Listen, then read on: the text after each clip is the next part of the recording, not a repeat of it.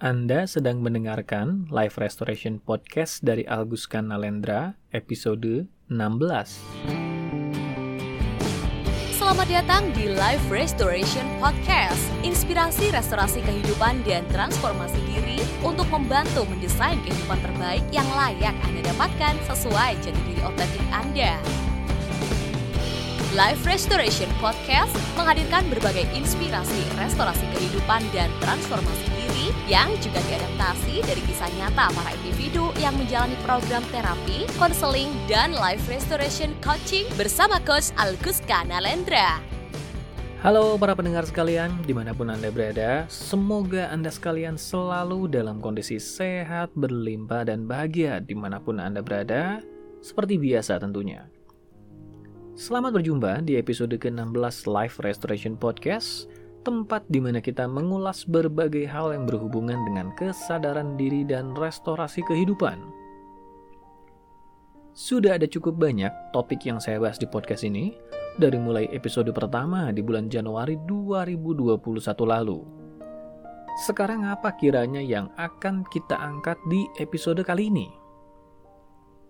Beberapa waktu ini, saya terlibat diskusi dan pembicaraan seru bersama beberapa rekan sejawat seputar beberapa isu sosial terkini.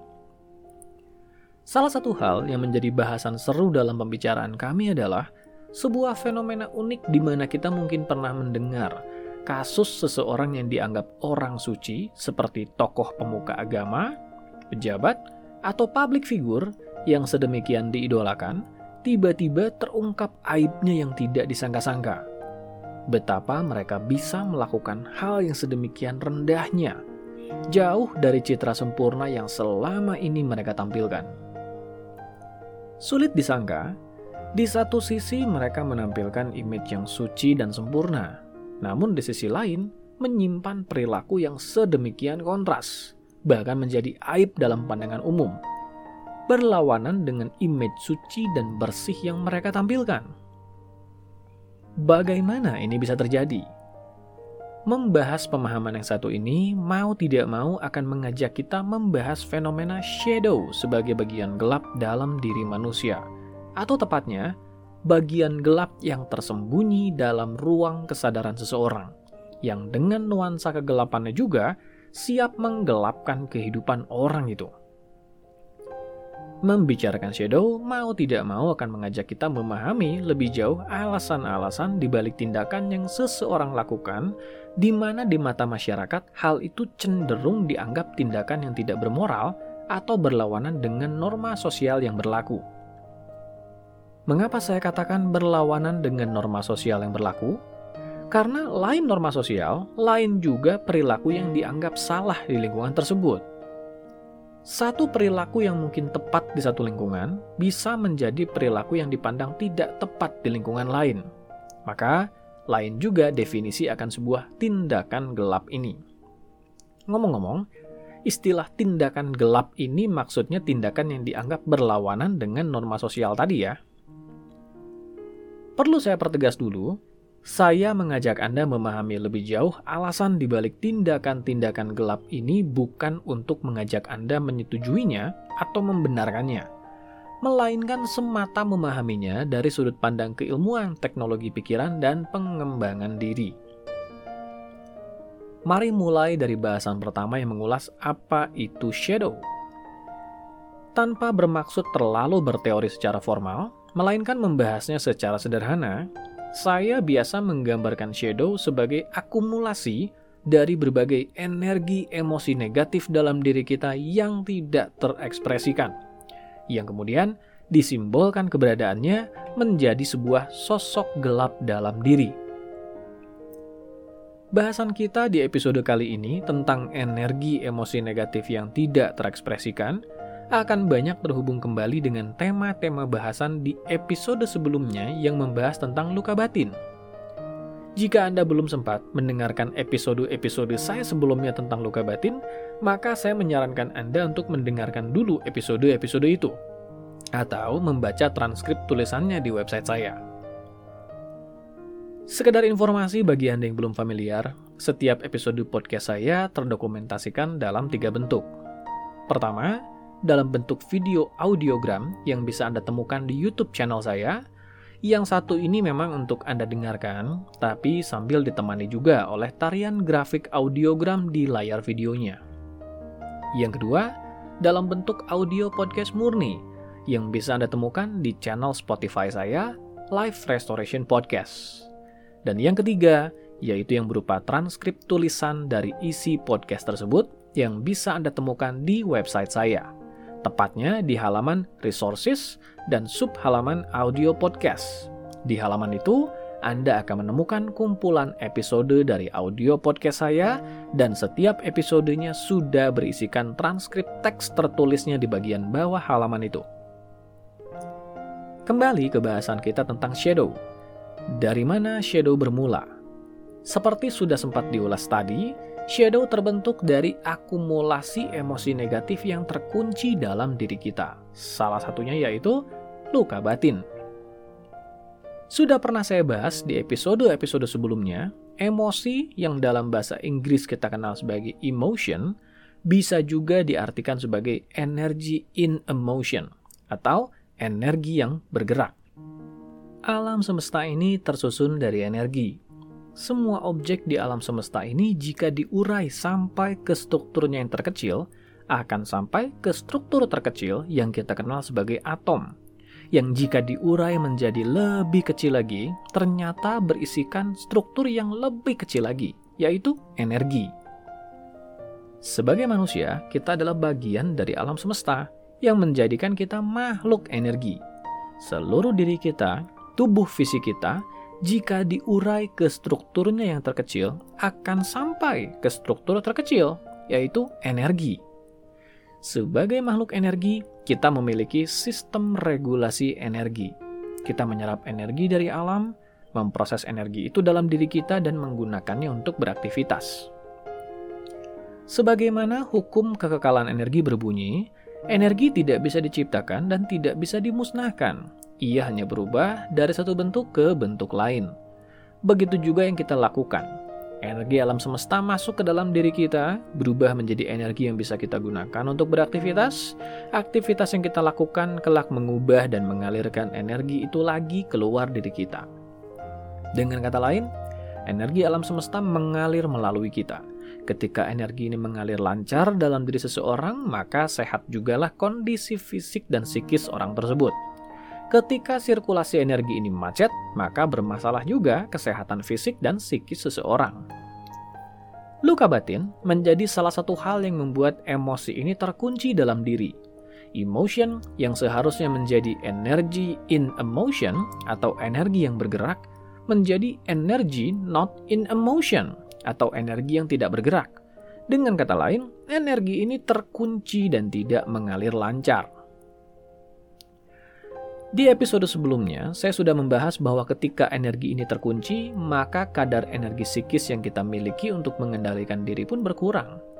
Maka dari segi respon perilaku, kita pun lebih sulit mengendalikan respon emosi dalam diri kita, yang muncul dalam bentuk kecemasan berlebih, ketakutan berlebih, atau kemarahan berlebih, atau berbagai jenis emosi lain yang sulit dikendalikan karena memang energi psikis yang kita miliki untuk mengendalikan berbagai luapan emosi itu tidak memadai.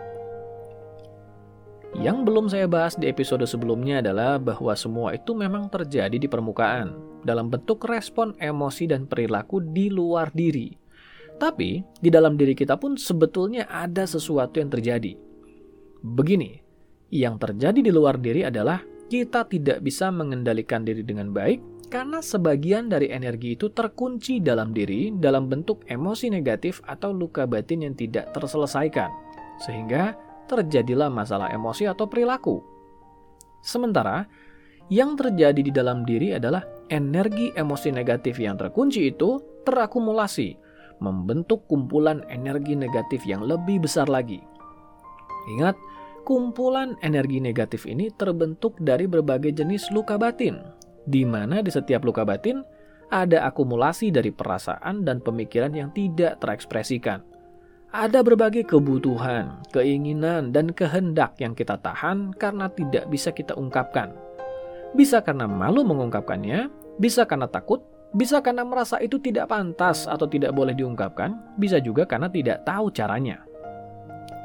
Idealnya, emosi negatif yang terbentuk ini bisa diekspresikan agar tidak terkunci dalam sistem kesadaran kita. Namun justru hal inilah yang tidak mudah. Ada dogma dan norma sosial yang seolah melarang kita untuk mengekspresikannya dengan mudah. Anda mungkin pernah mendengar istilah laki-laki tidak boleh menangis, cengeng itu atau istilah sejenis lainnya, yang intinya membuat kita merasa bahwa mengekspresikan gejolak dalam diri sebagai tindakan yang tidak seharusnya dilakukan. Belum lagi, ada pola didikan di mana orang tua selalu benar, maka anak tidak boleh mengungkapkan keluh kesahnya atau ketidaksetujuannya pada perilaku orang tua meski itu menyakitkannya sekalipun. Maka seiring waktu berlalu, jejak emosi negatif itu terakumulasi, menciptakan sistem energi psikis yang bersifat destruktif dalam diri kita. Bagaimana hal ini bisa destruktif? Begini, salah satu fungsi utama pikiran bawah sadar adalah menata fungsi memori dalam diri kita. Dari waktu ke waktu, kita mengalami peristiwa.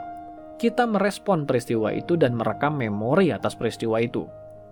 Idealnya, segala memori atas peristiwa yang kita alami tertata dengan baik di sistem memori pikiran bawah sadar.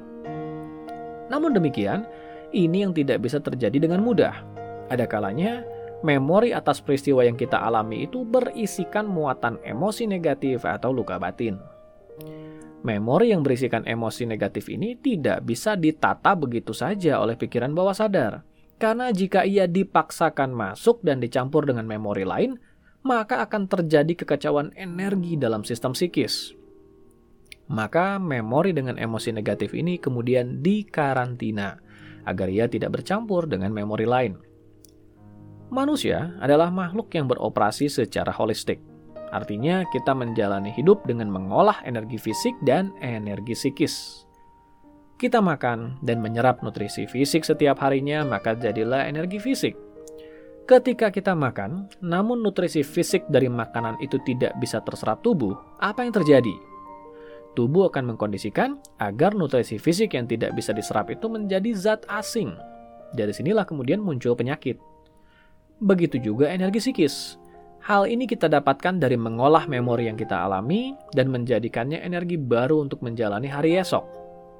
Masalahnya adalah, Sebagaimana nutrisi fisik dari makanan saja, kadang ada kalanya tidak bisa terserap sepenuhnya karena ia bukan nutrisi fisik yang sehat yang kita perlukan, begitu juga nutrisi psikis. Ada kalanya energi dalam memori kita tidak bisa kita serap sepenuhnya karena ia bukan memori yang sehat, karena adanya emosi negatif di dalamnya. Maka dari hari ke hari, sistem energi psikis kita pun tidak terolah dengan utuh. Karena ada memori, berisikan energi emosi negatif yang tidak bisa diinternalisasikan ke dalam sistem kesadaran kita.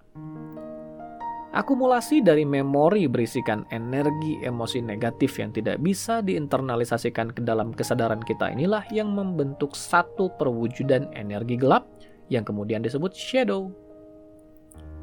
Di satu sisi, energi negatif yang terkunci itu memerlukan jalan keluar. Ia perlu diekspresikan karena ia harus dialirkan keluar agar sistem energi kita kembali stabil. Namun di sisi lain, ia tidak bisa diekspresikan begitu saja. Bisa karena tidak tahu caranya, atau malu, atau takut, atau tidak bisa mengungkapkannya karena ajaran yang didapat dari lingkungan mengajarkan untuk memendam semua itu dan bukan cara mengekspresikannya secara sehat.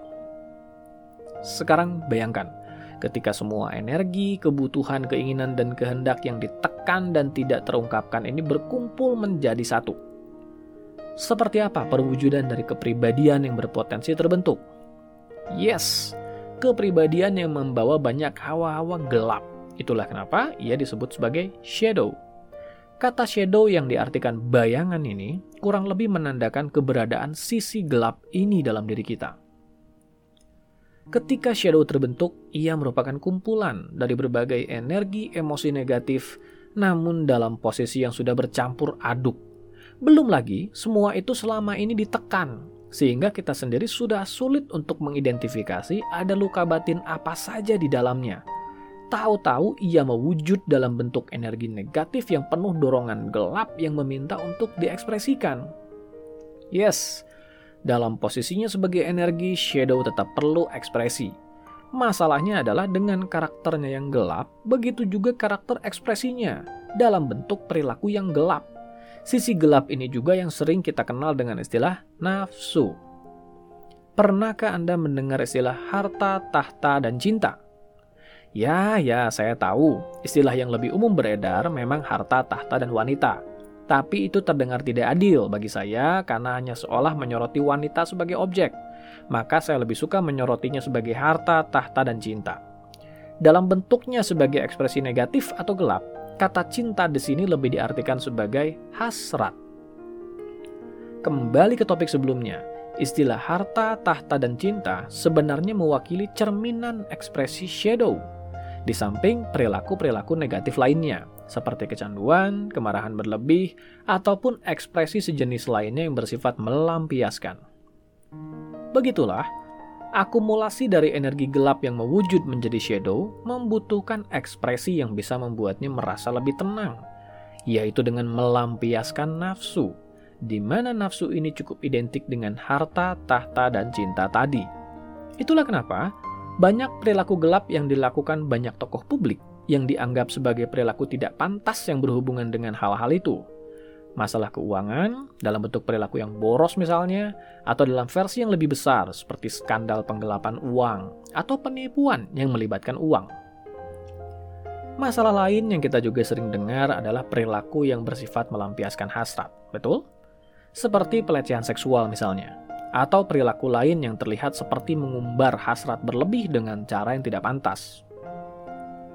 Ekspresi shadow identik dengan ekspresi yang bersifat melampiaskan, karena ia terbentuk dari akumulasi energi emosi yang ditekan dan tidak diekspresikan atau tidak terlampiaskan. Maka ketika itu semua terakumulasi, mewujud menjadi satu, lahirlah bentuk-bentuk perilaku yang melampiaskan dengan cara mengumbar nafsu atau hasrat. Semakin besar tekanan yang seseorang bebankan pada dirinya untuk meredam berbagai gejolak lukanya, maka semakin besar juga bentukan shadow yang terbentuk. Semakin tidak diduga juga cara shadow itu berekspresi nantinya. Sekarang, mari amati para tokoh publik yang disorot oleh publik sebagai sosok suci dan bersih. Apakah ada jaminan bahwa mereka semua tidak memiliki luka atau gejolak apa pun yang belum terselesaikan dalam dirinya? Meski terdengar tendensius, tapi saya yakin mereka juga memiliki luka atau gejolak yang tidak terselesaikan dalam dirinya. Karena memang itulah sisi manusiawi diri kita. Tapi bukankah banyak di antara mereka yang menunjukkan perilaku religius? Bukankah seharusnya keterlibatan spiritual bisa membantu proses sembuhnya sebuah luka batin? Tunggu dulu, tenang dulu. Yang satu ini adalah bahasan yang cukup kompleks. Saya setuju, bahwa keterlibatan spiritual adalah salah satu hal yang membantu penyembuhan sebuah luka batin. Tapi keterlibatan yang bagaimana? Jika prosesnya sepenuhnya tepat, maka ya, spiritual menjadi pintu kesembuhan. Tapi jika prosesnya tidak tepat, maka keterlibatan spiritual yang tidak tepat ini malah menambah masalah baru, yaitu menjadi topeng yang semakin memperumit permasalahan yang seseorang hadapi, menjadi beban baru karena mereka bukanlah menggunakan spiritual itu dengan cara yang tepat untuk menyembuhkan luka dalam dirinya, melainkan untuk menutupinya dengan pencitraan. Nanti bahasan tentang keterlibatan spiritual dalam proses penyembuhan luka ini akan saya bahas di episode khusus kapan-kapan ya. Sekarang kita kembali fokus ke bahasan soal shadow ini. Seperti sudah saya bahas tadi, para tokoh publik sekalipun tidak lepas dari gejolak luka yang tidak terselesaikan dalam dirinya. Sialnya lagi, dalam posisi mereka sebagai tokoh publik, tidak mudah bagi mereka untuk bisa mengekspresikan itu dengan jujur. Seringkali mereka harus menampilkan dirinya sebagai sosok yang kuat, tegar, tenang, bersih, dan sempurna. Alhasil, di satu sisi mereka memendam gejolak, dan di sisi lain mereka terus menutupi atau mengekang gejolak itu dalam sistem kesadarannya, karena harus terus menampilkan kesempurnaan yang dibebankan oleh perannya. Apa yang terjadi? Yes, makin ganas juga Shadow-nya mencari cara berekspresi dan mencari jalan keluar. makin besar juga gejolak nafsunya. Tidak perlu heran jika makin besar juga potensi skandal yang dilakukannya. Shadow memiliki ciri khas khusus.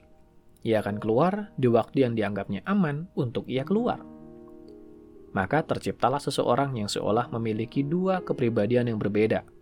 Ketika bersama orang banyak, ia menampilkan sosok yang suci dan sempurna, tapi ketika sendirian atau bersama orang yang dianggapnya bisa dikendalikan atau dimanipulasinya, maka ia pun keluar melampiaskan dirinya. Mereka yang shadow-nya terekspresikan pada harta dan tahta akan melampiaskannya dalam bentuk perilaku yang bisa memenuhi kehausan mereka atas harta. Muncullah berbagai jenis persoalan yang berhubungan dengan skandal keuangan, tak itu penipuan, penggelapan uang, dan berbagai perilaku lainnya yang berhubungan dengan uang. Mereka yang shadow-nya terekspresikan pada tahta dan cinta bisa melampiaskannya dalam bentuk perilaku yang memenuhi hasrat mereka. Alhasil, keluarlah berbagai perilaku yang berhubungan dengan skandal seksual atau hubungan. Mengapa tahta terlibat di setiap shadow? Karena tahta dalam hal ini mengacu pada kendali, perilaku yang merasa bebas dan punya kendali ketika melampiaskan gejolak yang selama ini tertahan. Ingat, bahwa shadow merupakan wujud ekspresi dari gejolak yang ditekan selama ini, karena kita merasa tidak punya kendali atas semua luka batin itu. Maka ketika ia keluar, ia pun ingin keluar dengan memegang kendali. Artinya, perilaku yang dilatari shadow bukan hanya terjadi pada para tokoh publik. Dalam keseharian kita pun kita akan berurusan dengan permasalahan perilaku yang dilatari shadow ini. Seperti perilaku yang kasar, kekerasan dalam rumah tangga, kemarahan berlebih, atau perilaku lainnya yang menandakan kita punya kendali atas sebuah situasi atau atas orang di sekitar kita. Setiap orang punya shadow, dan shadow ini tidak bisa dihilangkan karena merupakan bagian dari komposisi kesadaran kita. Tapi shadow bisa disembuhkan dan didamaikan. Ketika shadow ini mulai tersembuhkan dan kita mulai bisa berdamai dengannya, maka shadow ini akan menjadi sisi penyeimbang kesadaran dalam diri kita menjadi sisi aliansi yang membuat diri kita utuh adanya. Ia tetap ada, namun bukan untuk melampiaskan nafsu, melainkan sebagai penyeimbang agar kita waspada dan menjadi pengingat tentang hal-hal yang harus kita sembuhkan lebih jauh dalam hidup kita. Nah, jadi bagaimana cara menyembuhkan dan berdamai dengan shadow ini? Nantikan bahasannya di episode berikutnya. Oke? Okay? Dapatkan lebih banyak inspirasi restorasi kehidupan dan transformasi diri dengan ikuti Instagram @alkuska dan YouTube channel Alkuska Nalendra. Kunjungi juga website www.alkuska.com untuk temukan lebih banyak informasi menarik lainnya, termasuk untuk memesan layanan profesional bersama Coach Alkuska Nalendra untuk membantu mendesain kehidupan terbaik yang layak Anda dapatkan sesuai jati diri otentik Anda.